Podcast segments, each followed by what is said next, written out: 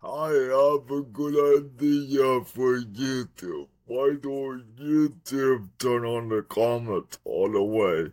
And would you please subscribe and would you go check out my other videos, please, and subscribe?